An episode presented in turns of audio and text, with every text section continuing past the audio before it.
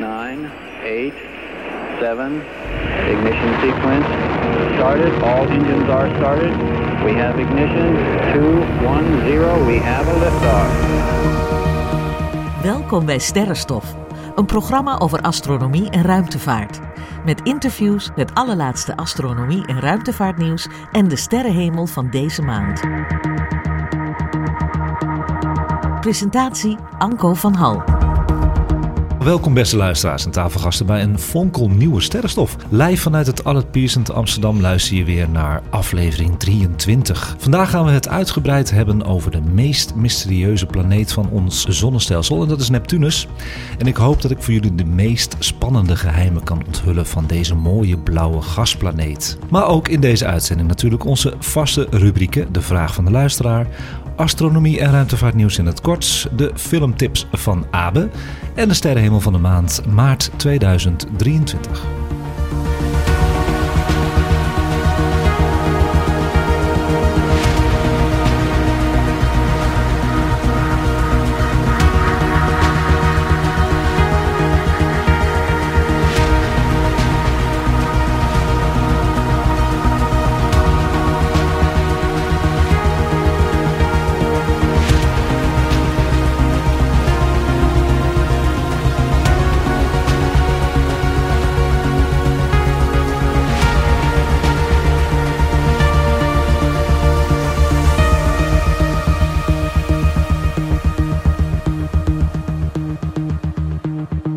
Welkom iedereen die luistert naar Sterrenstof en welkom iedereen aan tafel die deze maand meedoet aan de podcast. En dat doen we deze maand met onze vaste Sterrenstof sidekicks Abe en Anne Minke. Welkom, maar ook met Sterrenstof luisteraar en sidekick gast eigenlijk. Las Verhoef, welkom. Hoe gaat het met jullie? Goed. Ja, Ja, goed. Zijn een beetje wakker? Ja, een beetje. Goed zo. Blij dat ik er eindelijk weer eens lekker bij zit. Ja, we zijn er even tussenuit geweest. Eén uitzending hebben we niet gedaan. En eh, dat zijn eigenlijk twee maanden dan. Hè? Eh, ik ben op vakantie geweest. En dat was lekker. Was even nodig. Maar we zijn er gewoon weer. En eh, fris en fruitig hoop ik. Hoewel, ehm, Ja, Anko, jij was eh, aan, het, eh, aan het doorhalen vannacht bijna, hè? ja, want Ja. ik kreeg eergisteren een telefoontje van de NPO. En het is eh, dit weekend. Dat is, zijn de 24 tot 26 februari. Dat zijn de landelijke sterrenkijkdagen. En daar wilde de NPO de nacht van, is dat, wilde het daarover hebben. Want toen hebben ze mij gebeld of ik dat wilde doen. Toen dacht ik van nou, ik heb een sterrenstofopname, eindelijk weer. Dus ik ga het niet doen. Maar eh, ik vind het veel te leuk allemaal. Dus eh, ik ga gewoon een marathon doen. En mijn stem is er nog. Ja. Voor de luisteraars die het willen horen. Ik zet hem op ehm, Spotify of op alle platformen als sterrenstof extra zo meteen. Leuk. En we hebben natuurlijk dan eh, Las Verhoef in de uitzending. Las is een luisteraar van eh, Sterrenstof. En e-mailt mij of bericht me DM, hè, doen we hè, lekker Ja, hip hè, klopt. via Instagram. Daar zijn we heel goed in. Zijn we goed in. Las, in november ben je me gaan DM'en. Ja, klopt. Zoiets, eind november. Ja, en eh, je, je luistert al lang naar Sterrenstof? Ja, eigenlijk wel. Ik denk ja, een klein jaartje ongeveer. Ja. Ik, ik kwam jullie podcast tegen op, op, op Spotify. Ik luisterde altijd naar Hens Zimmerman. Ja. En ik was op zoek naar meer sterrenkunde podcast. En toen kwam ik die van jullie tegen. En toen dacht ik, eh, na een paar maanden te hebben geluisterd... ik stuur jou eens gewoon eens een leuk berichtje. Met eh, in ieder geval wat ik ervan vind en een leuk compliment. En ja, ik zie al waar het eindigt. Ja, En, eh, hartstikke leuk. ja. En toen hebben jullie me uitgenodigd. Dus heel erg bedankt. Eh, luisteraars mogen gewoon langskomen hier. Ja. Niet allemaal tegelijk. Want het is, het is, Het is niet al een- zo druk hier. Het is niet een hele grote studio. Ook aan tafel Oscar. Oscar is er weer. Ja. Dag Oscar. Even een microfoon. Ja, we hebben, we hebben maar drie Ja, microfoons. goedemorgen. Ja, leuk, Oscar. En, en de luisteraars kennen jou niet zo goed. We hebben wel een paar keer gehoord dat je hier bent geweest. Ja, of één klopt. keer eerder. Wie ben jij? Nou ja, eh, ik ben, eh, nou ja, om het een beetje oneerbiedig zeggen, ik ben jouw baas. Nee, ik ben hoofdredacteur, ik ben de hoofdredacteur van eh, Amsterdam FM. Ja, dat is mijn En baas. eh eh FM maakt ook het programma De Mediaweek. En dat is eh, elke maandag te horen. Oké, dus ga lekker zitten. Ook aan tafel Jeroen. Jeroen, kom, kom je even aan de microfoon? Want ik, zie, je- ik hoor je altijd op de achtergrond. Hallo, ik ben er ook weer bij. En eh, nou ja, goed.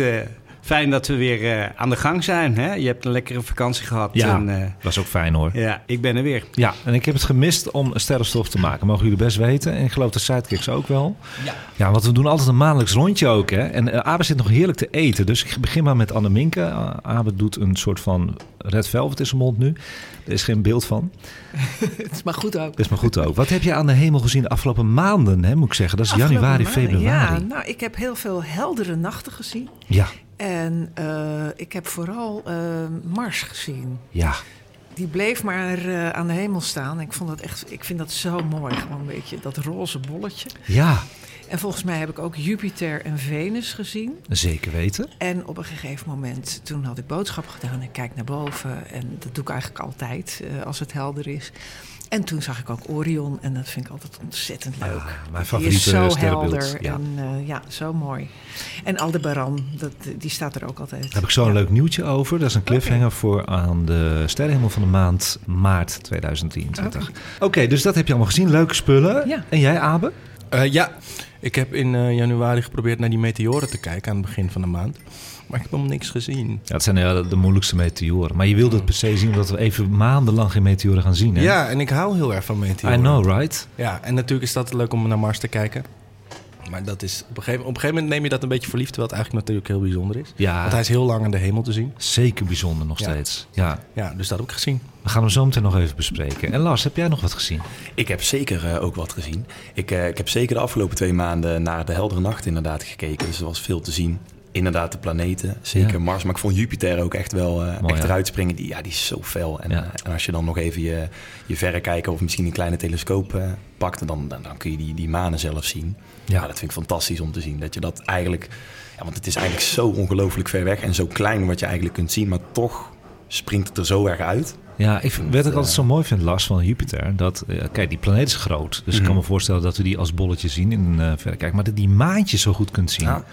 Ja, dan vergis je eigenlijk dat die, dat die manen niet eens zo heel klein zijn. Eigenlijk. mee, het zijn eigenlijk mini-planeetjes. Ja, vergeleken ook met, met wat er in ons zonnestelsel te zien is, heeft Jupiter best wel grote manen eigenlijk. Zeker. die Dus gaan we het ook zo over hebben. Zo'n leuke cliffhanger. Dat wil ik zien, die manen. Dat, Ja. dat wist ik niet. Nou, ik heb toevallig een telescoop gekocht. Nou, dan kom ik een keer bij je langs. Ik kom er graag langs. Iemand anders nog wat gezien? Ja, het ISS. Het ISS heb jij gezien, want Ja, jij hebt een app. Ik heb een app en eh, ik krijg Leg dan... eens uit, eh, hoe werkt dat? eh, nou ja, dat is een app met van die eh, pushberichten. Oh ja, En af en toe krijg ik een pushbericht eh, van over vijf minuten komt de ISS over. En eh, dat is echt ontzettend leuk. En dan loop ik even naar boven en dan sta ik op het dak en dan kijk ik. En dan eh, zie je hem dus echt gewoon zo langs de hemel eh, varen. ja. Dat is leuk, hè? Ja, dat is echt heel leuk. Word je niet moe van de pushberichten dan? Die zet je niet uit. Die zet ik niet uit. Nee, ik vind dat veel te leuk. Ja, maar En- hij komt niet altijd over En, natuurlijk. nee, en er staat, maar er staat ook vaak eh, dat er bijvoorbeeld bepaalde planeten te zien zijn. Ja. Of, eh, dus het houdt je wel bij de les. Ik vind dat heel leuk. Ja, hartstikke leuk. Nou, ik, op Aruba, dat is altijd natuurlijk het verhaal. Daar zijn de, eh, de luchten gewoon heel mooi en helder. De eerste week dat ik daar was, was de laatste keer dat Saturnus aan de avondhemel was. En de eerste week dat Venus aan de avondhemel kwam. Dus daar heb ik een mooie foto van gemaakt. En die staat gewoon eh, op onze Insta-story. Heb jij daarna ook andere dingen gezien dan wij hier? Ja, je kan daar bijvoorbeeld 's ochtends dan het zuidelijk halfrond zien. Dat zijn Ja, sterrenbeelden die Ja. ik niet ken. En dat vind ik heel bijzonder, want er zitten hele mooie heldere sterrenbeelden bij. En de grote en kleine magelhaanse wolk, dat zijn hele mooie nevels. Die kun je er ook en, zien. en het Zuiderkruis. Het Zuiderkruis ook, een microscopium en dat soort rare sterrenbeelden. Is heel leuk.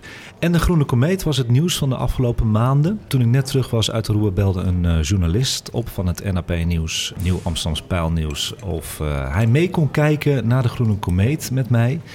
En of de hype eromheen eigenlijk wel klopt. Het was eh, natuurlijk bewolkt, hè? zoals de hele maand februari eigenlijk was. Maar hij is toch gekomen en het werd ook, al zagen we niks, een heel leuk interview... die nu te lezen is via nopnieuws.nl of via de directe link op onze Instagram... wanneer je klikt op de oranje februari 2023 highlight knop. Wat een zin, maar het is toch echt wat het is. Zo kun je het vinden. Maar eh, hij heeft een heel leuk verhaal van gemaakt. En inderdaad, ehm, dat mag ik wel weggeven. Het is een hype geweest, de Groene Komeet. Je kon hem amper zien met het blote oog. En als je hem in de telescoop had gezien, dan was het een heel vaag, eh, blurachtig groen stipje. Maar ik denk gewoon dat de hype zo van zo'n ding ontstaat. En dat is dan bijzonder, omdat er dan iets langs de aarde komt... wat eens in de zoveel tijd... 50.000 jaar. Ja, exact. En dat is gewoon wel een cool idee, toch? Zeker. Dat we En dat mee mogen. Dat staat ook in het artikel. Dat ik er eigenlijk heel blij mee ben dat dit gebeurd is. Het doet me een beetje denken aan vogelkenners. Ja, En dan staat, eh, is er opeens een eh, heel bijzonder vogeltje, Vogeltje. gespot. En Ja. dan staat daar gewoon zo'n hele kluit met verrekijkers en toestellen. lekker En alle nerds bij elkaar. Ja, dat is nou ja, met sterrenkunde ook. Precies. Ja, dus, we zijn de eh, grootste zijn nerds. een soort eh, vogelkijkers van, eh, van de ruimte. Ja, zeker. Absoluut waar. Ja, ja het, het is ook lastig om zo'n komeet natuurlijk te zien. Ja. Maar we zitten natuurlijk hier in Amsterdam. Ehm, ik kom zelf uit Brabant. Misschien heeft iemand het wel gehoord. Bij ons was het gelukkig niet helemaal bewolkt. Dus ik heb een poging gedaan om En? te kijken. Ik, ik, ja, ik had niet veel tijd, dus ik kwam later terug uit werk. En ik dacht, ik pak snel mijn camera en mijn telelens... en misschien kan ik nog iets zien. Ja. Nou, een half uur bezig geweest. Bijna niks gezien. Maar hij zat wel op mijn foto. Alleen je kunt hem gewoon niet zien. Dus ik heb hem soort van indirect gefotografeerd. dus ik heb de moeite ervoor gedaan. Hij staat op je foto, maar je kan hem niet zien. Maar hij staat Nee. dus wel op de foto. Hij staat op de foto. Maar je ziet gewoon eigenlijk niet zoveel. je ziet gewoon een paar sterren. Ja. Maar toch, voor mijn gevoel... heb je hem hem. gewoon vastgelegd en je hebt het gewoon gezien. Ja, en zo doe ik het ook meestal, Lars. Ja. Dat je gewoon het gevoel hebt van... hé, hey, ik En heb je het hebt wel... moeite gedaan, toch? Je hebt het geprobeerd en ja... Een hele goeie. Dit, Precies. dit, dit is precies hoe ik het doe Zo ook. is het. We gaan naar het hoofdonderwerp. Neptunus, jongens. Gaan we het leuk onderwerp. Ja, waarom? Ik vind Neptunus echt een planeet die ondergesneeuwd is... waar je bijna niks van hoort. En dat is belachelijk. Het is een van de mooiste planeten van ons zonnestelsel. En een beetje vergeten. Ja, het is echt naast eh, Saturnus een van de diamanten van... eh, toch? Echt. En ik ben een hele week met Neptunus bezig geweest. Ik heb er zelfs over gedroomd. Het gebeurt dan, hè, als je de hele tijd een script aan het maken bent. En ik ben achter heel veel dingen gekomen die ik niet wist. Dus ik kan me ook voorstellen dat jullie het niet weten. Hoe Ja. spannend is dat? Nou, Wat weten jullie trouwens van Neptunus? Niets. Hij is blauw. Hij is blauw. Oscar, Hij staat het eh, verst weg van de zon. Applaus. Het klopt wel, maar ook weer een klein beetje Ja. niet. Ja, voor mij, voor mij kruist hij met Uranus, klopt dat? Nee, met Pluto. Pluto. Ja maar, die, ja, maar die telt niet meer, toch? En dat is erg voor Annemiek. Die gaat is heel huilen. erg, ja. Mijn lieve Pluto. Ja, want dit is de meedoen. favoriet. We hebben ooit een eh, vergeten planeten uitzending gehad. Die heb je wel eh, gehoord. Mhm. Daar is een vette discussie opgekomen, ook bij luisteraars, maar ook onderling. En eh, dat was huilen voor. eh, Ja. Dat is ook een hele leuke planeet, Pluto. Kijk, en hij lag me weer uit, Dwergplaneet? Dwergplaneet. Dwergplaneet. Ja. Heel goed, Lars. Helaas, goed ja. geluisterd, ja. Maar goed, op dit moment is dus Neptunus de verste planeet van ons zonnestelsel. Het is de achtste planeet en hij is 17 keer de massa van de aarde. Hij is iets zwaarder dan zijn bijna tweeling Uranus. De planeet draait eens in de 164,8 jaar om de zon. Dat betekent dus dat is een grote baan. Het is ook een elliptische baan. En de planeet is vernoemd naar de Romeinse god van de zee. Dat weten we allemaal, denk ik wel. Neptunus was trouwens de eerste planeet, jongens, die niet optisch, maar met behulp van wiskundige berekeningen werd ontdekt. Dat wist ik niet. En dat gebeurde pas op 23 september 1846. En zo is Pluto ook ontdekt. Ja. Ook niet optisch. Oh ja, ja zoiets heeft eh, Hens ook wel eens uitgelegd. Inderdaad. Zeker, Ja, dus ja. je kunt hem niet eh, vanaf de aarde zien. Ja, wel hoor, zeker Ja? nu zeker. Ja hoor, en zelfs met mijn telescoop die ik gekocht heb ook, dat, dat kan. Je kan gewoon. Maar je ziet maar een heel klein sterretje. Hoewel, als je het fotografeert, is het ook wel leuk om naar Lars eh, te kijken. Want je bent ook wel geïnteresseerd in astrofotografie, geloof ik. Ja, klopt enorm. Ja. Als je Neptunus fotografeert, Uranus ook, kijk iedereen aan, dan verschijnt hij op je plaat, op je fotografische plaat, als blauw of groen. Dat Ja. is wel leuk. In het oog eh, zie je het niet, met het blote oog. Dus dat is leuk. Hey, Neptunus wordt beschouwd trouwens als ijsreus. Weten jullie wat dat betekent, een ijsreus? Jij hebt de mond vol met eh, red velvet cake. Ja, ik Volgens mij een bevroren oppervlakte. Als ik me niet... Ja, het is Dacht eigenlijk een gasplaneet. Dacht Dus- ik ook, hè? Maar Ja. dat is niet zo. Ik moest het ook opzoeken, hoor, Ja. Een ijsreus is een planeet groter dan de uit ijzer en steen opgebouwde aardse planeten, maar kleiner dan de gasreuzen Jupiter en Saturnus. En ijs komt denk ik voort uit het feit dat het gewoon een koude planeet is ver weg. Ja. Jij zei het net tussen neus en lippen door, maar dat wist ik helemaal niet. Dat eh, Neptunus een gasplaneet is. Jazeker. Oh, oké. Ja, je kan er niet op staan. Nee. Nee, nee, zeker niet. De opbouw van de ijsreus Neptunus vertoont veel overeenkomsten dus met die van Uranus. De kern, dat is het antwoord op jouw vraag, bestaat uit gesmolten metaal en rots. En daaromheen bevindt zich een mantel van gesteente, water, ammoniak en methaan. Dat maakt dus die helblauwe kleur. Naar buiten toe wordt de mantel steeds vloeibaarder en gaat uiteindelijk geleidelijk over in de atmosfeer. Vandaar de naam gasplaneet. Oké, ik wist helemaal niet dat dat kon. Dat Ja, dat bestond. Ik dat dacht heeft- van alle planeten kun je gewoon op gaan staan. Nee, Ja. nee, nee. We hebben er vier, hè? vier gasplaneten. Ja. Jupiter, Saturnus, Uranus en Neptunus. Oké, Ja. weer wat geleerd. Je wat geleerd? Ja, dan heb je bijvoorbeeld eh, bij zo'n gasplaneet, dat zie je wel vaker, dat zie je bij Jupiter ook. En Saturnus heeft het trouwens ook. Maar Jupiter is heel duidelijk, zie je zo'n hele grote storm, hè? Zo'n rode vlek. Dan hebben ze ontdekt dat eh, Neptunus dat ook heeft. Dus als jullie je telefoon nu bij halen, even. Ja, hij staat op vliegtuigstand. Ja, hij mag weer van vliegtuigmodus af, Abe. en dan eh, eh, ga je even naar Instagram Sterrenstofnieuws. Dan kunnen luisteraars even meedoen. Leuk interactief. Dan scroll je even naar beneden. Ik maak altijd van die grote platen, van die foto's. En dan kom je de blauwe planeet tegen. Dan kunnen we allemaal even naar kijken. En het voordeel is dat ik eh, in zes heb gedeeld. Dus dat je dus de grote blauwe vlek kun je aanklikken. En dan krijg je hem even vergroot. Dan kunnen we even nu naar kijken. Ja. En dan kunnen we gelijk naar het weer van Neptunus, want het is nogal wat. Deze grote blauwe vlek was er tot 1994. En deze is trouwens gefotografeerd in 1989 door de Voyager. Dit is ook de enige foto die er is van Neptunus. Maar hij is dus afgelopen, op een moment, eh, 30 jaar geleden of zo, is hij weggegaan? Hij is op een gegeven moment gewoon weggegaan. Maar er zijn wel weer andere stormen bijgekomen. Kijk, dat is even een ander verhaal, hè? Want Jupiter heeft een grote rode vlek. Ja. Die wordt wel groter en kleiner steeds trouwens. Want daar eh, bij Jupiter eh, wordt er volgens mij gezegd... ja, die kan binnen nu en 100 jaar... maar ook binnen nu en 50.000 jaar of 100.000 jaar klaar zijn. Klaar. Maar hier is dat dan misschien ook het geval geweest. Alleen hebben we dat dus meegemaakt. Hebben we dus meegemaakt. Maar ik niet, ben er te jong voor, denk ik. Ja. Nee, maar dat, dat is wat je zegt, dat is waar. Ja, dat is cool. Maar er is wel wat teruggekomen. Deze storm is een anticyclonische stormsysteem en is 13.000 kilometer bij 6600 kilometer breed. Dat is heel veel. De winden draaien dus van oost naar west tegengesteld aan de rotatie van een planeet. Dat heet dus anticyclonisch. De winden in deze storm zijn de sterkste die ooit op een planeet van het zonnestelsel zijn waargenomen. En ze waren wel 2100 kilometer per uur. Hallo. In 2016 verscheen een sterk gelijkende vlek op het noordelijke halfrond van Neptunus. En ik moet ook zeggen, eh, misschien weten jullie dat nog, de James Webb-telescoop heeft twee maanden geleden een foto gemaakt, een infrarode foto van Neptunus. Hè? Ja, ja dat klopt. Dit was wel vet, hè? Ja, die Met de ringen en zo. Dus dat is eigenlijk pas de tweede foto die gemaakt is van Neptunus. We kunnen eigenlijk eh, zeker zeggen dat alle gasplaneten in ons zonnestelsel ringen hebben.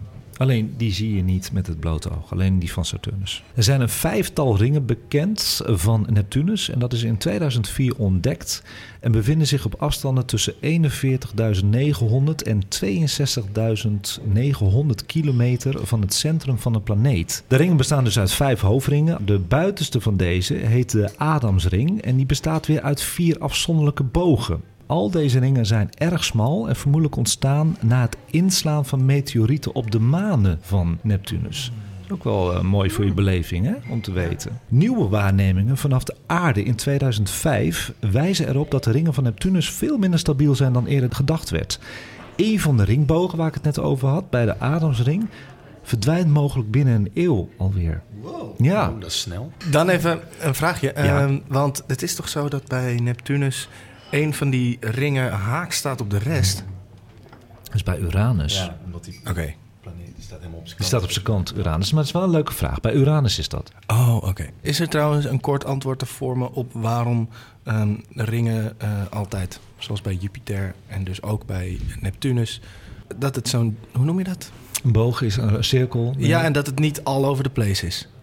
Ja, ik, ik, weet het niet gedetailleerd, maar het is vaak wel om ringen ontstaan uit grotere brokstukken en die hebben al een bepaalde richting. Ja. En als die vervolgens opdelen, dan houden ze wel allemaal hetzelfde momentum en dezelfde richting. Dus die kunnen niet in één keer zomaar de andere kant op. Het is eigenlijk net zoals de, de banen van manen. Ja, nou ja, en eigenlijk ook, ook alle planeten om onze zon. Ja. Over het algemeen zitten wij in ongeveer hetzelfde vlak. Niet allemaal, maar zo goed als in een bepaald, ja, in een bepaald level. En dat komt omdat een, een protoplanetaire schijf, dat was Ja. eigenlijk een stofwolk voor het zonnestelsel, die draaiden allemaal in één vaste richting. En daardoor gaat dat niet zomaar afwijken. Kijk, daar hebben we wat aan. Ja. Maar je hebt ook wel brokstukken die gewoon wel bovenlangs gaan hoor. Dat heb je wel, maar die zijn er gewoon veel minder. En dat, datzelfde geldt ook waarom het bijvoorbeeld elke ehm, sterrenstelsel, dus het melkwegstelsel, ook een disk is en niet een, eh, een wolk of zo. Ja. Ja, ja. Leuk, eh, Las. Neptunus is gewoon een mooie planeet. Het is gewoon mooi om te zien ook. Maar de manen van eh, Neptunus zijn ook heel bijzonder. Vooral de maan Triton. Dus een maand na de ontdekking van Neptunus werd Triton ontdekt. En pas in 1949 werd door Gerard Kuiper de tweede maan Nereide ontdekt. In totaal zijn er in 2013 14 manen rondom Neptunus ontdekt. En de meest recente maan die ontdekt werd is Hippocampus. Vind ik wel een hele leuke naam, toch? Te grappig. Met een temperatuur van min 237 graden is Triton het koudste hemellichaam in ons zonnestelsel. Triton draait in tegenovergestelde richting van alle andere grote manen in het zonnestelsel. Tevens is Triton ook de grootste maan van ons zonnestelsel. Dus Triton is heel bijzonder, hè? Triton is trouwens niet ontstaan rond Neptunus, maar is later ingevangen door deze planeet. Het lijkt dan ook goed mogelijk dat Triton vroeger deel uitmaakte van de Kuipergordel. Triton draait achterwaarts en berekeningen aan de baanbeweging tonen aan dat Triton binnen 100 miljoen jaar zal neerstorten op Neptunus. Of door de enorme getijdenkrachten van Neptunus kan die ook helemaal uit elkaar spatten. Dat is ook mogelijk. En daardoor zal er weer een nieuw ringensysteem kunnen ontstaan. En dat wordt dan een ringensysteem vergelijkbaar met die van Saturnus. Ik had eigenlijk nog wel een vraag over die, eh, over die ringen. Want ze zijn eigenlijk heel slecht waarneembaar. Ja. Toch? Ze zijn heel dun. En, Nee, ze zijn heel dun. en ook heel dan dus licht zwak. Of hoe? Ja, ze zijn licht zwak en daarom was het zo mooi dat James Webb erop ging. Want Ja. die eh, heeft infrarood. Dus die kan gewoon ook lichtzwakke dingen naar voren halen. En toen zag je heel goed die ringen. Ja. En toen zag je er ook twee, geloof ik, of drie. Ja, jammer is dat, want ze reflecteren net niet genoeg het ijs om eh, met bloot oog te zien. En doen de ringen van Saturnus natuurlijk wel.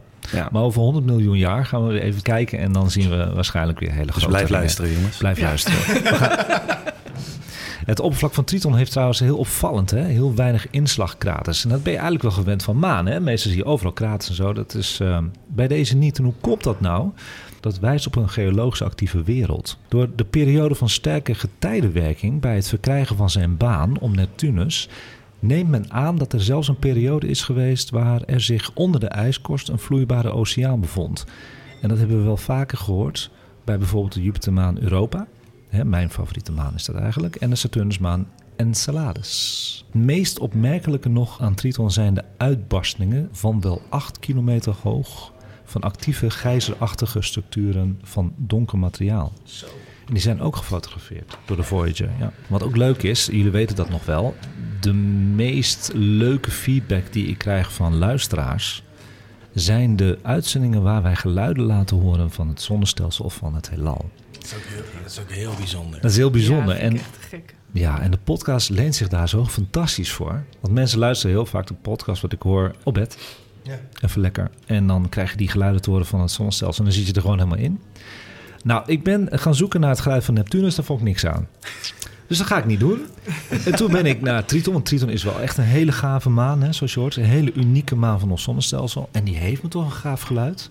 Dat is ook opgenomen. Maar zijn daar eh, rovers of wat dan ook geweest? Nee, de Voyager heeft dat opgenomen. Vanuit ver weg. Ja, dus je weet misschien hè, van de vorige afleveringen... elk hemellichaam maakt een geluid... doordat ze elektromagnetische straling produceren. Oh ja. En elektromagnetische straling kan door een ruimtezonde dus... eh, omgezet worden naar geluid. Dat is ook met Triton gedaan dus. En dat geluid is heel opvallend, spannend en mysterieus. Zijn we er klaar voor? Jazeker. Ja, en voordat je gaat luisteren trouwens, is het wel leuk om te zeggen. Je hoort een soort alarmgeluid terugkomen. En daar ben ik naar gaan zoeken wat dat is. Wat je dus eigenlijk gaat horen, is een alarmgeluid dat komt van Neptunus omdat Triton verbinding maakt met Neptunus op een elektromagnetische manier. Dus ze hebben samen verbinding. Dus dat herhaalt zich als een signaal dat aan en uit gaat.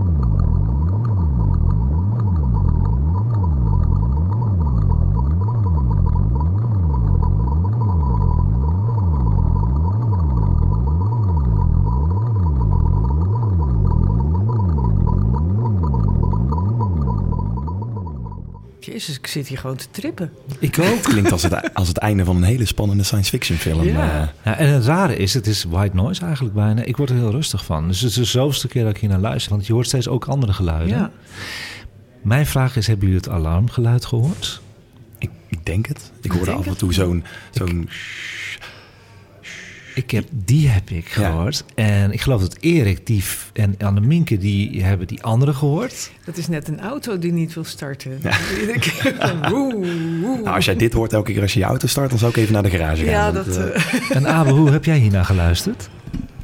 Ja, ik, dit is echt prachtig. Ja, ik mooi, vind hè? het echt...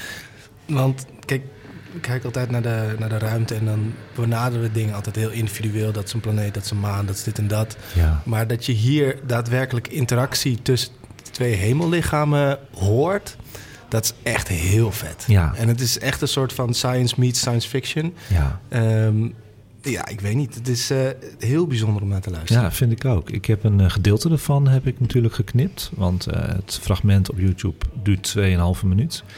En ik raad je aan om die helemaal te luisteren. Kijk, heb je dit van YouTube eh, of zo? Ja, kan je dat is- in de lijst zetten? Hij staat op de aanbevolen playlist op uh, Sterrenstof YouTube zometeen. Er zit ook een heel mooi ritme in. Ja, Het ik vind het fantastisch. waanzinnig. Ja, ik ben ook lyrisch ervan. En jullie dus ook. Ik, eh, gelukkig maar.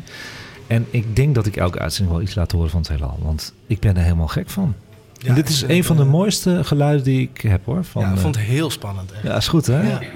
Dus maar één keer is er een foto gemaakt dus eigenlijk. Hè? James Webb doet het ook wel, maar niet zo mooi gedetailleerd als de Voyager. Gaan we in de toekomst nog naar Neptunus toe? Ik zou het wel willen. Zou het de moeite waard zijn?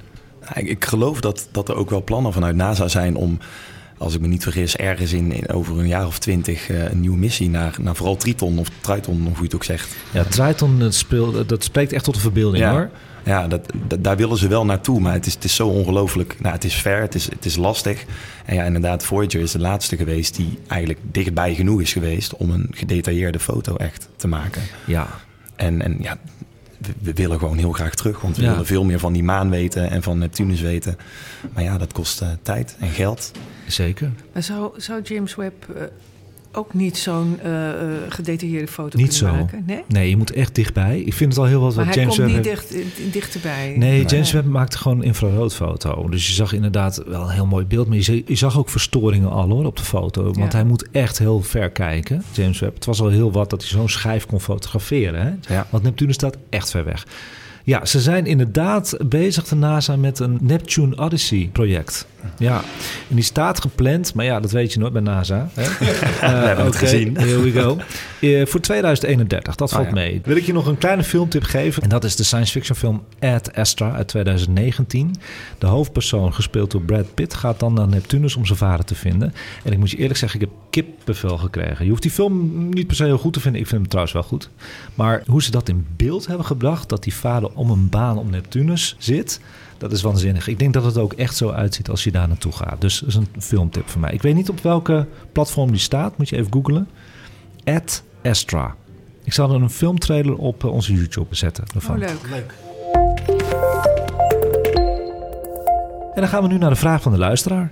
En even dit. Ik heb de afgelopen maanden best veel vragen van luisteraars binnengekregen. Voor het eerst heel veel.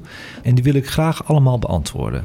Dus als je er dit keer niet bij zit, dan komt het vast wel weer goed in de volgende uitzendingen. Dus even geduld alsjeblieft. De vraag van de luisteraar is dit keer door Jesper Witkamp. Hoi Amco, dankjewel voor het maken van deze fantastische podcast. Ik vind het heel leuk om naar te luisteren. Ik had even een vraag naar aanleiding van de eh, aflevering die ging over Jupiter. Eh, je zegt daarin dat Jupiter een, eh, een gasreus is die eigenlijk net niet massief genoeg is om ja, eigenlijk een, een, een soort van ster te kunnen worden. Kun je er daarmee van uitgaan dat er ook nog heel erg veel donkere sterren in ons eh, sterrenstelsel zijn die we nog niet kunnen ontdekken omdat ze geen licht geven, maar wel een planetenstelsel hebben? Ik ben heel benieuwd. Dankjewel. Ook weer zo'n vraag, hè? Een vraag waar ik niks van af weet. En die kies ik een lekkere vraag. Ja, lekkere vraag. Hij zegt dus eigenlijk, je zegt in aflevering 7 over Jupiter dat het een gasreus is die eigenlijk net niet massief genoeg is om een ster te zijn. Kun je er dan bijvoorbeeld ook van uitgaan dat er in ons sterrenstelsel donkere sterren zijn die we niet kunnen zien en wel een planetenstelsel hebben? Dat is zijn beknopte vraag. Nou, een donkere ster is een hypothetische ster bestaande uit donkere materie. Deze donkere sterren zouden bestaan kunnen hebben in het jonge universum kort na de oerknal. Ze zouden vooral bestaan uit normale materie zoals gewone sterren, maar door een hoge concentratie van donkere materie binnen in de ster zou via annihilatie, wanneer een deeltje en zijn antideeltje bij elkaar komen en elkaar wederzijds vernietigen, tussen de donkere materie deeltjes genoeg hitte voor de ster kunnen worden gegenereerd. Dus je moet je voorstellen, deze hitte zou voorkomen dat de ster ineenstort. Onder dit model zou een donkere ster een nevelachtig donker object zijn, met een oppervlaktetemperatuur laag genoeg om de ster voor het blote oog onzichtbaar te maken. Het zou dus kunnen betekenen dat we door het James Webb-telescoop voor het eerst donkere sterren gaan ontdekken. Want die kan lichtzwakke objecten naar voren halen. Je noemde in je antwoord het begrip uh, donkere materie. Kan je dat ietsje meer toelichten, dat begrip? we hebben eigenlijk twee soorten donkere termen die ze gebruiken: donkere materie en donkere energie. Ja. En eigenlijk, inderdaad, omdat we niet weten wat het is, noemen we het eigenlijk donker. Het heelal bestaat voor een, het overgrote gedeelte uit donkere materie en donkere energie. Maar we weten simpelweg gewoon niet wat het is. Om onze berekeningen kloppend te maken over het heelal, weten we dat er iets moet zijn om het te laten passen. Heeft ook te maken met de uitdijing van het heelal. Alleen we weten gewoon niet wat het is. Dus is het inderdaad hypothetisch. Um, uh, omdat we gewoon niet weten wat het is. Maar het zou moeten kloppen volgens die berekeningen. En dus noemen ze donkere materie. Het zou materie moeten zijn, maar we weten niet wat. Er is eigenlijk geen antwoord op. Nee. En daarom is die vraag zo leuk, want we zijn eigenlijk iets aan het beantwoorden waar geen antwoord op is. Maar ik vind het wel leuk om te benoemen, want er zijn veel vragen over donkere materie en donkere sterren. Dus of deze donkere sterren planetenstelsels hebben, weten we dus gewoonweg niet, hè Lars? Mhm. Dat is Ja. gewoon hypothetisch. Maar stel dat ze bestaan, dan zijn ze misschien te jong om al planeten te hebben. Ja, omdat planeten ook pas later Precies ontstaan. Ja, ontstaan. Uit die stofschijven waar we het over Ja. hadden. Ja. Nou, welke andere sterren dan onze zon hebben dan wel planetenstelsels? Nou, waarschijnlijk hebben niet alle sterren aan de hemel planetenstelsels, maar wel heel veel. Planetenstelsels zijn er rond grote rode superreuzen zelfs, tot aan bruine en witte dwergsterren. Dus dat is best veel. Donkere sterren weten we dus gewoon niet. En wat betreft onze Jupiter, hè, Jasper, die blijft gewoon met zijn grote gasmassa en zwaartekracht een minizon in ons eigen zonnestelsel. Met de manen Io, Europa, Ganymedes en Callisto als een soort mooie mini-planeetjes eromheen. Ik hoop dat dat een beetje een antwoord is voor je. Het is een hele moeilijke vraag, maar Ja, maar wel een eh, leuke vraag met een goed antwoord. ja toch? En eh, dankjewel Lars voor eh, de inbreng ook. Zeker. Heb je trouwens nog een prangende vraag over deze uitzending of een andere vraag of tip over astronomie en ruimtevaart? Voel je dan vrij mij te mailen op het volgende e-mailadres sterrenstofnieuws@gmail.com. Welkom bij Sterrenstof, een programma over astronomie en ruimtevaart. Met interviews, het allerlaatste astronomie- en ruimtevaartnieuws en de sterrenhemel van deze maand. Presentatie Anko van Hal. En dan is het nu tijd voor astronomie en ruimtevaartnieuws in het kort. En we zitten in een heel gezellig, ik ben er eigenlijk wel blij om, gezellig vol museum. Al het Pierson gaat goed. Daar zijn we heel blij mee. Ja. En ik heb vernomen dat jij een nieuwtje hebt meegenomen. Anne Minke. Ik heb een nieuwtje meegenomen. Zo leuk, Want vertel. eh, het is vandaag eh, 24 februari. Hè, dat eh zeiden we al, van eh, Ja. de opname. En vanmorgen is eh, vanuit Kazachstan de Soyuz M23 afgeschoten richting eh, ruimtestation ISS. Oké. Daar hadden we het net al over. Hè? Dat, eh, ik vind het appje, altijd- ja. ja, mijn appje. Vind ik altijd heel leuk. En daar heb ik dus nu ook nieuws over. Want eh, er zitten op dit moment eh, drie mensen in. Twee Russen en een Amerikaan. Daar maar. wordt nog wel gewoon steeds samengewerkt in de, in de ruimte. Ja. Die eh, zitten er al een half jaar. En die hebben nu vertraging opgelopen. Want de, eh, eh, de Soyuz... de M22, die, zij, eh, die ze weer terug naar aarde zou brengen in maart, Ja. die eh, is kapot.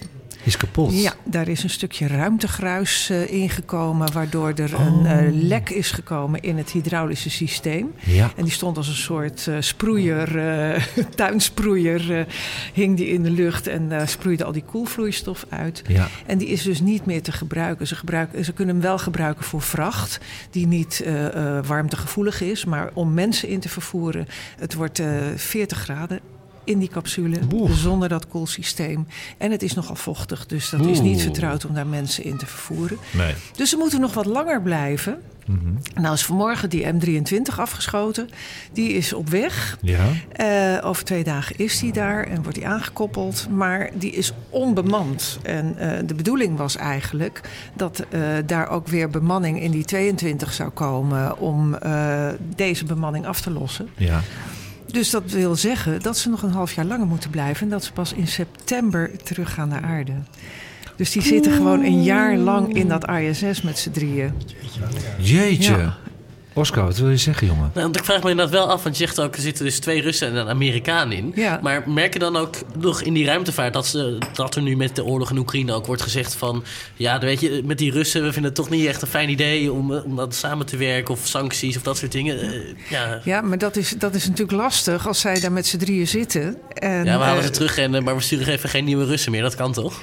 Ja, nou hoe dat is, dat weet ik niet. Maar volgens mij wordt er op dat vlak nog wel samengewerkt. Maar er komen wel wat eh, wrijvingen, heb ik begrepen. En we hadden, ik was het twee uitzendingen geleden of één Klopt. We hadden een tafelgast van de NASA. En toen hebben we het ook hierover gehad van Philip werkt... Schonejans van de ESA. Ja, ja, oh, van de ESA. Ja, Dankjewel, Philip. excuus. Ja, maakt niet uit. Ehm, toen hebben we het hierover gehad van hoe zit dat met politieke wrijvingen in de wereld? Hoe, hoe gaat dat? En dat is eigenlijk, nou taboe wil ik niet zeggen, maar het wordt, er wordt wel, er wordt, het wordt vermeden om, het, om erover te spreken, omdat je wel samen moet werken. En als jouw geboorteland eh, niet goed gaat met het geboorteland van je collega, dan kan het frictie opleveren. Dus ze proberen heel erg om, om dat soort dingen gewoon te laten voor wat het is. En binnen ruimtevaart en wetenschap dat nou, niet te negeren, maar wel ja, gewoon los te laten eigenlijk. Dus bijvoorbeeld ook ten tijde van de Sovjet-Unie en zo speelde dat eigenlijk ook helemaal niet. Nou, het speelt. Ik, kijk, ik weet het niet. Ik bestond toen niet en ik zit niet. eh, nou, ik zat niet in de ik ruimte. bestond toen wel, Ja, maar ik- ten tijde van de. Sovjet-Unie was er geen samenwerking Nee met hoor, de ik kan, eh, dat weet ik ook nog, dat bestond ik ook al. Ja. Maar inderdaad, Annemieke heeft gelijk. dat- Toen was er geen samenwerking. Koude Oorlog was er geen samenwerking. Nee. Dus we zijn daarin wel vooruit gegaan. Oké. Ja, nee, dat is pas eh, na de val van de muur eh, is dat op gang gekomen. En dat is eh, ja, jaren negentig geweest. Dus wanneer komen ze nu terug? Ze komen nu in september terug. Dat duurt nog even, hè? Dat duurt nog Ze worden nu bevoorraad eh, elke maand in Ja. een capsule? Ja. Oké, dat is mooi. Spannend nieuws eigenlijk nog steeds. Eigenlijk best wel. Het blijft maar ja. doorgaan dus. Ja, precies. Oké, laten we daar updates over doen. Ja, de volgende Gaan we doen. uitzendingen. Ja. Dan hebben we nog een nieuwtje. Natuurlijk, de asteroïde Apophis komt zelfs dichter bij de aarde dan satellieten. Maar voor alle duidelijkheid, ik ben geen doemdenker. En het is ook niet nodig, want de asteroïde gaat ons niet raken. Maar het is wel bijzonder. Er was een tijdje dat het leek alsof het kon, hè? dat hij op de aarde zou neerstorten. Maar vanaf maart 2021 heeft NASA bevestigd dat er absoluut geen kans is dat de ruimtesteen, die bekend staat als 9942 Apophis, deze planeet gedurende minstens 100 jaar zal treffen. Wat echter wel waar is, is dat op vrijdag 13 april 2029, je verzint het niet, vrijdag de 13e, een asteroïde breder dan drie voetbalvelden dichter bij de aarde zal passeren dan ooit tevoren in de geregistreerde geschiedenis. Wat betekent dit? Dat hij op 31.000 kilometer boven het aardoppervlak gaat passeren. Dat is best wel dichtbij. Dat is ongeveer een tiende van de afstand tot de maan. Kun je je zo iets bij voorstellen dan? Dat is heel dichtbij. Ja. Dan gaan we. Op de grote avond, vrijdag de 13e, zal Apophis met het blote oog zichtbaar zijn vanuit delen van Europa en Afrika. Wauw. hey, even een agenda zetten, hè? Ik wou net zeggen, ik zet hem alvast in mijn In, agenda. in april zeg je.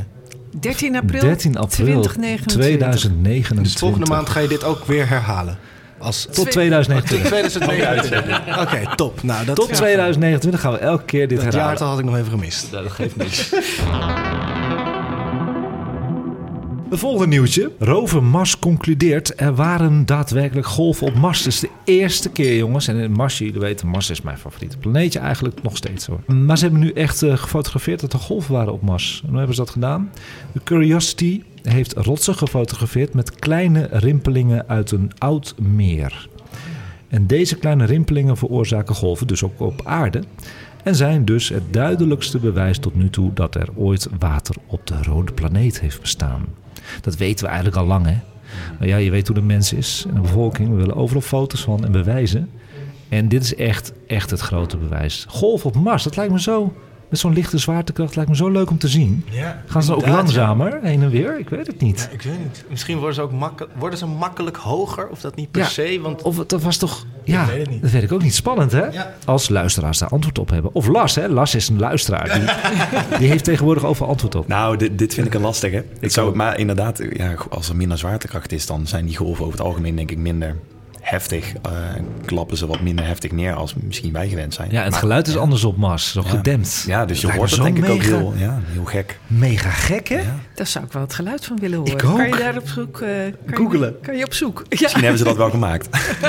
Een simulatie of zo. De aanwezigheid van rimpelingen in een zogenaamd droog gebied suggereert dat Mars dus eh, niet op een eenvoudige, lineaire manier van nat naar droog ging. Al dus de onderzoekers van eh, Curiosity. Een video hiervan is te vinden op onze Sterrenstof YouTube-kanaal in de aanbevolen playlist. Dat is alweer de derde video die we erop zetten. En er komen nog veel meer bij. Heerlijk.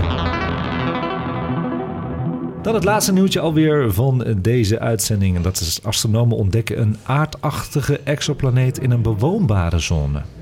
En Las knikt, heb je die eh, ook gezien?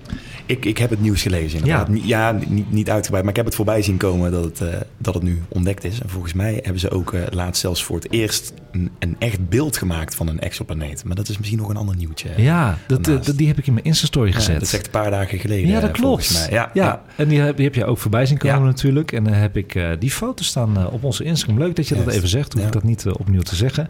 Je kan eh, bijvoorbeeld bij onze Instagram-account, waar heel veel mensen nu op abonneren, is heel leuk. En zie je daaronder die highlight-knoppen. En dan heb je zo'n nieuwsknop. Als je daarop drukt, kun je lekker scrollen naar alle nieuwtjes die ik de afgelopen weken erop heb gezet.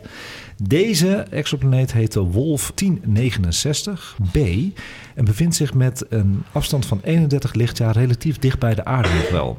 En Wolf 1069b draait om zijn ster in 15,6 dagen. Het oppervlak van de dwergster zelf is relatief koel en dus een beetje oranje-rood van kleur. Hoewel de planeet dus relatief dicht bij zijn ster staat, krijgt de planeet maar zo'n 65% van de straling die de aarde krijgt van onze zon. Deze speciale omstandigheden maken planeten rond rode dwergsterren relatief vriendelijk voor leven. Dus dat kan heel makkelijk. Daarnaast heeft dit soort planeten nog een andere speciale eigenschap. Op de ene helft is het altijd dag en op de andere helft is het altijd nacht. Die kennen we wel, hè? wel eens eerder gezegd. De temperatuur kan best eens aangenaam zijn trouwens. Ervan uitgaande dat de planeet een kale, rotsachtige planeet is, dan is de gemiddelde temperatuur zelfs op de zijde die naar de ster is gericht ongeveer min 23 graden. Dus dat valt wel mee. Je zou zeggen, hè, één kant naar de ster toe is bloedheet, maar omdat het een rode dwergster is die koel is, min 23 graden. Waarschijnlijk heeft de planeet een eh, atmosfeer waardoor de temperatuur kan oplopen tot plus 13 graden. Die houdt de warmte een beetje bij zich. En met een dergelijk temperatuurtje zou water vloeibaar blijven en kan zomaar geschikt zijn voor eventueel leven. Best wel een leuk Dus wanneer nieuwtje. gaan we er naartoe? Ehm, even kijken hoor. Even kijken. Ja, Lars, dan moet je wel eerst Wim Hof... eh, Ja, oh, ja, ja, ja, ja. ja. eh, 31 lichtjaar. Vermenigvuldigen met. Hoeveel jaar is dat? Ja, we hebben zo'n rekensommetje daarvoor. Daar, zo snel ben ik niet. Ik maar ook dat, niet. Dat, dat duurt nog even. Dat duurt nog eventjes. Gaan we niet doen? Nee. Nee, dat gaan we niet doen. Nou ja, je zei het al. We hebben meer nieuws natuurlijk eh, op eh, Instagram gezet. Wilde jij nog wat zeggen? Ja, ik, dit was je laatste nieuwtje, toch? Ja, heb wil ik even, even inbreken. Want Ja. Oscar die zit hier natuurlijk omdat hij hier graag bij wil zijn. Oh. Maar ook omdat hij een verrassing voor jou heeft. Oscar, kom eens hier. Verrassing voor mij. Eh, nee, ik eh, zei aan het begin al eh, dat ik eh, bij Amsterdam FM het eh, programma De Mediaweek maak. En ik begrijp dat jij ook al eens naar luistert. En dan had ik een week of drie geleden... was ik in het planetarium van Artis. Daar ging het programma Ruimteschip Aarde in première. Van eh André Kuipers. Ja. En die heb ik daar ook mogen spreken. Maar ik dacht van, ja, weet je... eh, ik zit hier met André Kuipers te praten. Maar ik dacht, ja, eigenlijk moet hij ook even iets eh, opnemen voor Sterrenstof. Nee, echt? Heb je dat gedaan? Ja, ja, en als het goed is, staat dat nu in de computer. Ik krijg helemaal kippenvel. Beste Anko, fantastisch een podcast over astronomie. Eh, vanzelfsprekend vind ik dat prachtig. En ja, voor de luisteraars naar de podcast is het natuurlijk ook wel heel interessant om naar die nieuwe documentaire serie te kijken, Ruimteschip Aarde. Want dat is natuurlijk gebaseerd op wat je vanuit de ruimte van de aarde kan zien, maar ook omgekeerd. De eerste aflevering gaat bijvoorbeeld over licht. En ja, dat gaat over het licht van de, de melkwegen, waar zelfs meskevers mee te maken hebben. Eh, het gaat over de prachtige beelden van, eh, van het heelal. eh, en wat licht voor ons betekent. Dus ook heel veel ruimtevaart en ook wat astronomie in die serie Ruimteschip Aarde. Hij heeft gewoon mijn naam genoemd. Ja, je bent echt een beetje starstruck, of niet? Om nog even in de sterke termen te blijven. Nee, eh, je weet niet. Misschien zit er nu wat te luisteren. Hè? Je kan niet weten. Ik vind het fantastisch. Oscar, eh, een lieve jongen ben je, hè? Eh, dankjewel, gast. Ja, graag Heel leuk. gedaan. Heel Ik leuk. vind dat je maar een keer moet uitnodigen nu. Hij moet gewoon komen, André, toch? André, als je luistert, ik ga gewoon naar hem toesturen of DM'en deze uitzending.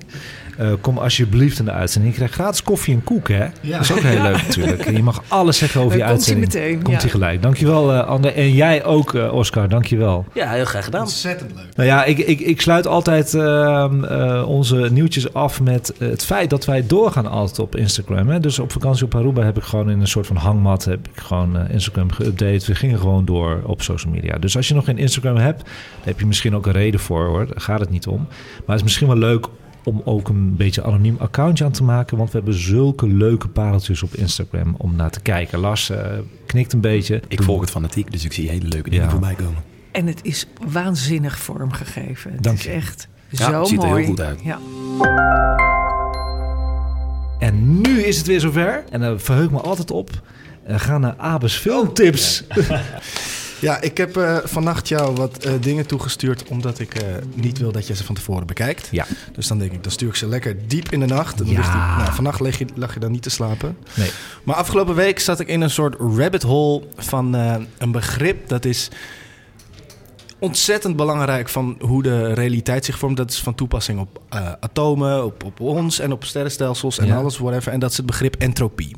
Oké. En dat is een heel lastig begrip om te begrijpen. Ik vond het, vind het ook heel lastig, maar ik dacht, ik wil dit begrijpen. Want het, het gaat. Het, onze realiteit ziet er zo uit omdat entropie zijn werk doet. En het begrip entropie en eh, tijd gaat hand in hand met elkaar. Dus ik heb twee filmpjes die nu niet totaal verschillend zijn, maar die juist een beetje samenwerken.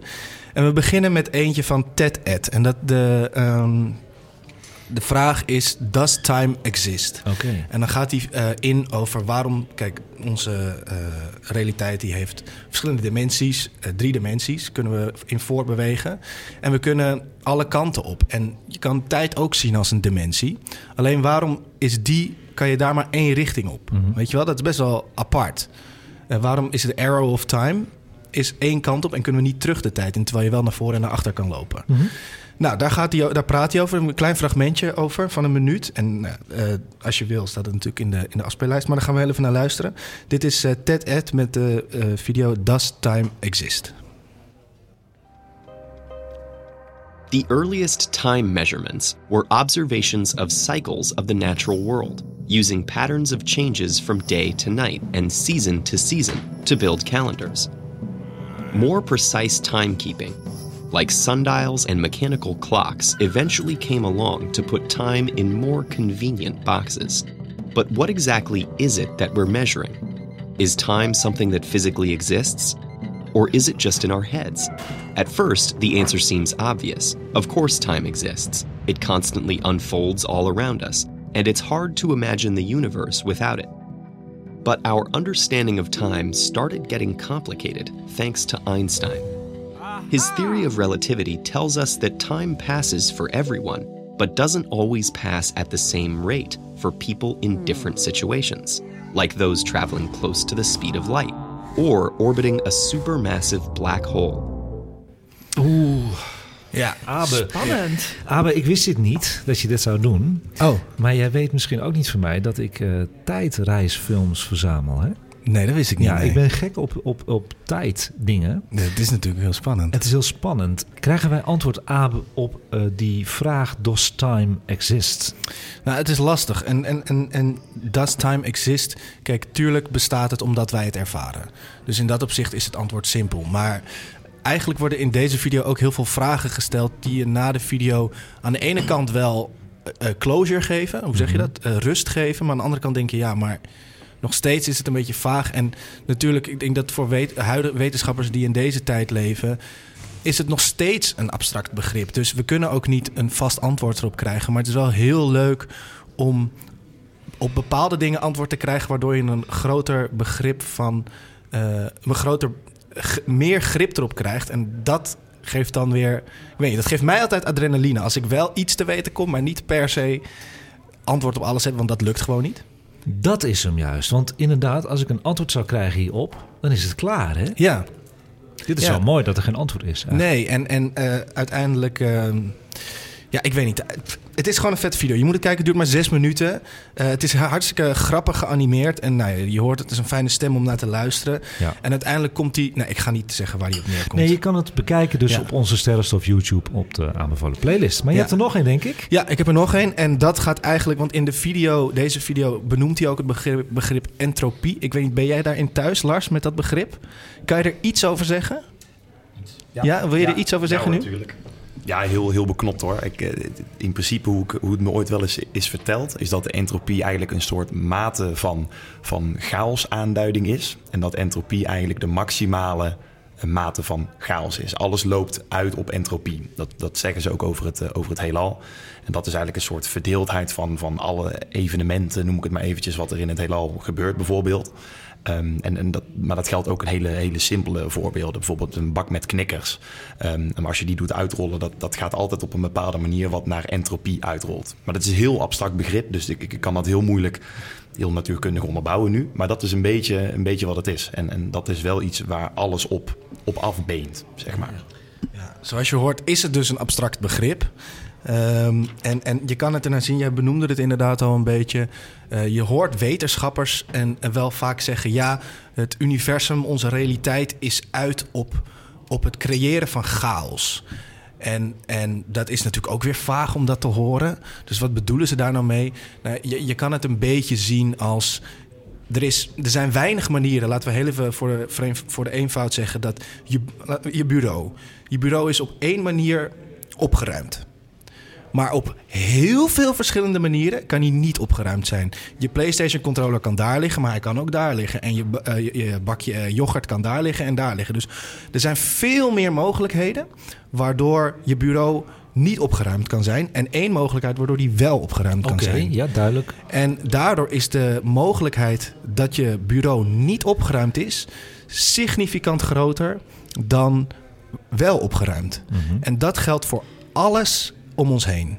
En dat kan je zien als ehm, entropie. Dus eigenlijk de manier waarop iets geordend is.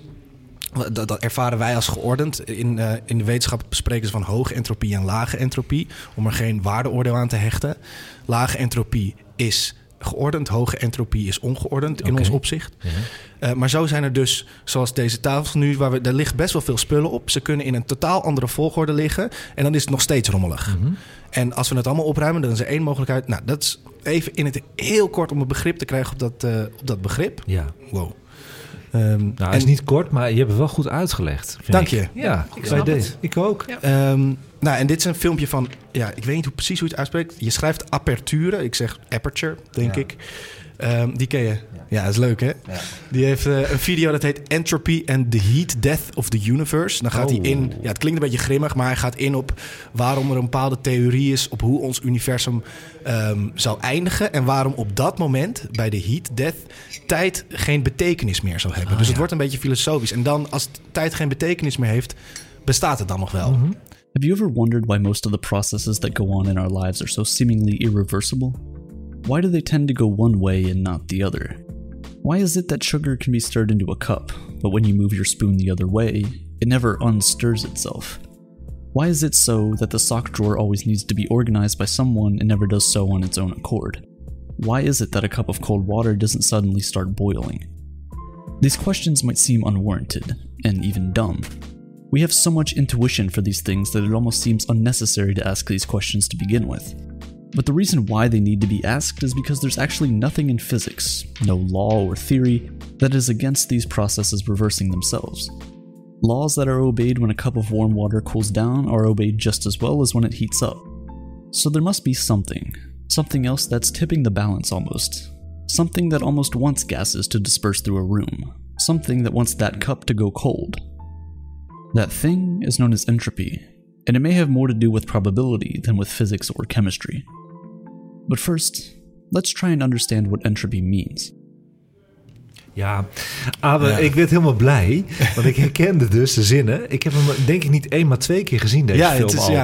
Maar ik herkende de titel niet op je blaadje. Oh, maar ja, ja, ja. eh, top, iedereen. Echt waar, goeie is dit. Eh, gewoon kijken. Het heeft zeker te maken met sterrenstof. Het heeft zeker te maken met ons eh, universum. De ordening daarvan ook. Echt een hele goede tip. Dankjewel. Ja, het is een, was een beetje een lange uitleg, maar als je entropie begrijpt, krijg je ineens veel meer. Ik krijg ineens veel meer rust, rust met de gedachte waarom alles zo chaotisch is. En waarom. Ja, ja, ik vond het heel fijn om een beetje begrip erop te krijgen. Iedereen, kijken naar YouTube Sterrenstof. Op onze aanbevolen playlist staan al die leuke video's. En uh, we zijn natuurlijk al de hele tijd bezig geweest. Uh, wat we allemaal de afgelopen twee maanden hebben gezien aan de sterrenhemel. Maar zijn jullie niet ontzettend benieuwd wat we gaan zien in maart? Ja, ja tuurlijk. Zeker. Zullen we het gaan doen? Ja. ja. Dan gaan we naar de sterrenhemel eh, van de maand maart 2023. En dan benoem ik eigenlijk de dingen die je gewoon kan zien vanuit tuin of balkon.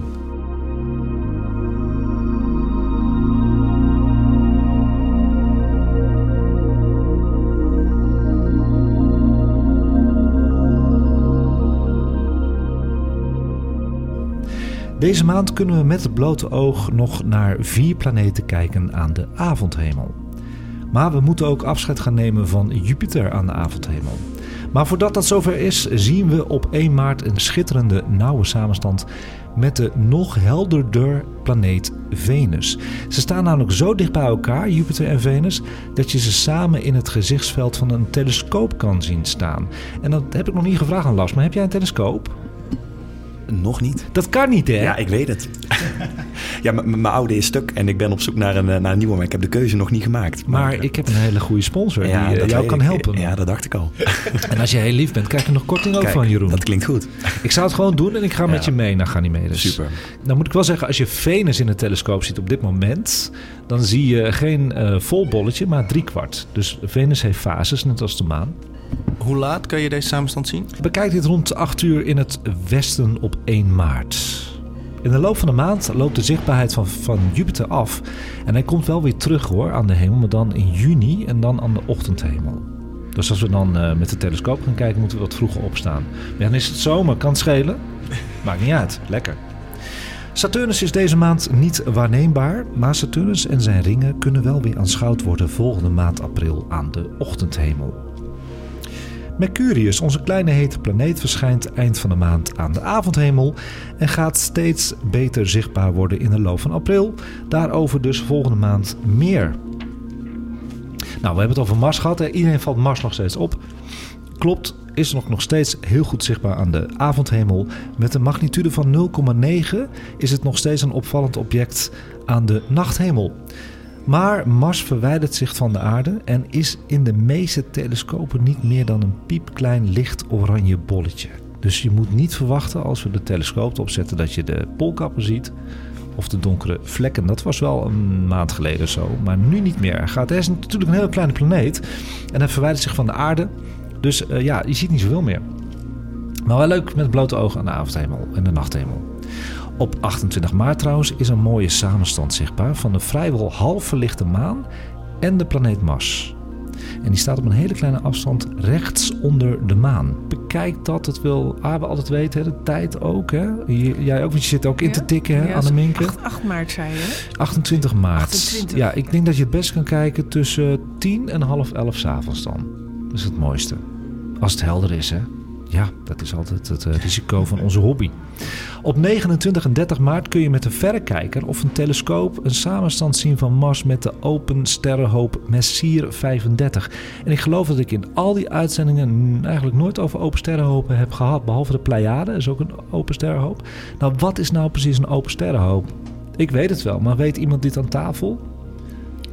Beetje last, zeg het eens. Ja, ja, een heel klein beetje. Eigenlijk wat jij zegt. Het, het, het is een, een, nevel eigenlijk. Of het is een, een hele hoop sterren bij elkaar. Dat, dat als een soort ja, schitterend vlekje uh, te zien is soms. Net met het blote oog soms. Ja, precies. Als je geluk hebt en het is helder, dan, uh, dan kun je dat zien. Bij Messier is dat ook zo, maar het is leuk om met de verrekijker te kijken. Dan zie je echt het, het, het bolletje Mars met de verrekijker met heel veel sterretjes bij elkaar. Dat is de open sterrenhoop Messier. Nou, het is een open cluster, een open sterrenhoop, met een groep van 20 tot 1000 sterren die uit dezelfde moleculaire wolk zijn ontstaan en dus ongeveer dezelfde leeftijd hebben.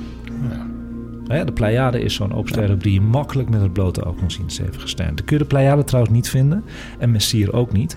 Download dan weer even een sterrenkijk-app. En ik heb het volgens mij bij de NPO afgelopen nacht ook gezegd... dat Skyview kun je bijvoorbeeld doen. Maar er zijn er zoveel. Stellarium is ook een hele goede. Ja, maar die moet je betalen, toch? Uh, nee. Oh, die is ook gratis. Ja, is gratis. De light versie Ja, je is hebt zelfs op internet, eh, in je browser, maar ook op je telefoon. Stellarium. Ja. Ook weer een goede tip. Mooi zo. Nou ja, goed jongens. Het is iedereen ondertussen wel opgevallen hè. De planeet Venus straalt als een malle aan de westelijke avondhemel. De magnitude loopt op aan het eind van deze maand naar zelfs min 4. Nou ja, wat ik al zei, Venus heeft fases zoals de maan. We zien hem nu in de telescoop als een driekwart. Maar het leuke is, en dat wordt heel spannend, en daar heb ik ook de telescoop voor aangeschaft. In juli, als je dan naar Venus kijkt met de telescoop, zie je best wel een grote bol als sikkel. Dat is heel mooi om te zien, jongens. Ja, dat wordt echt heel vet. Oh, ik ben er helemaal blij ervan.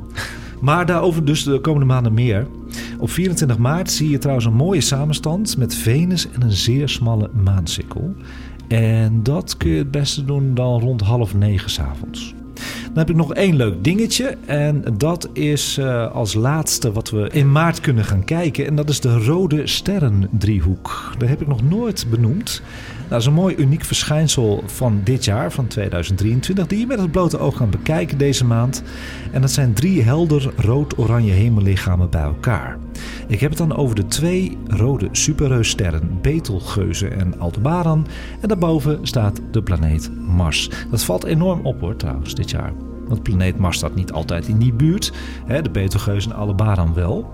Die zie je gewoon als twee oranje sterren. Maar er staat een andere oranje hemellichaam bij. Dus dat wordt een hele mooie driehoek. Bekijk dit rond 25 maart. En als je het moeilijk kan vinden, vraag dan gerust via DM op Instagram of e-mail een digitaal sterrenkaartje op bij Sterrenstof, bij mij. Die kan ik je zo digitaal opsturen.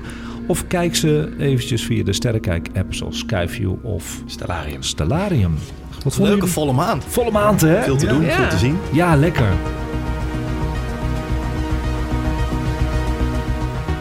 En tot zover Sterrenstof voor de maand maart 2023 live vanuit het Allet Piercent eh, Amsterdam.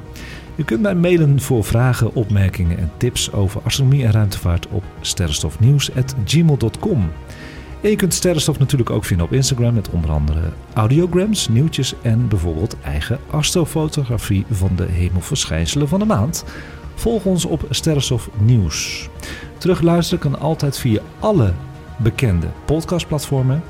En deze podcast werd mede mogelijk gemaakt door Ganymedes, Optische Instrumenten te Amstelveen, de telescopenwinkel van Nederland. Nou, dankjewel Abe, Anneminke, Las, Oscar en Jeroen. Wat een lange lijst voor de medewerking van deze leerzame en gezellige aflevering. De techniek was in handen van Erik, dankjewel Erik. En de heerlijke koffie werd verzorgd door het café Allert Pierson. Iedereen bedankt voor het luisteren. Tot de volgende keer weer. En kijk eens wat vaker omhoog.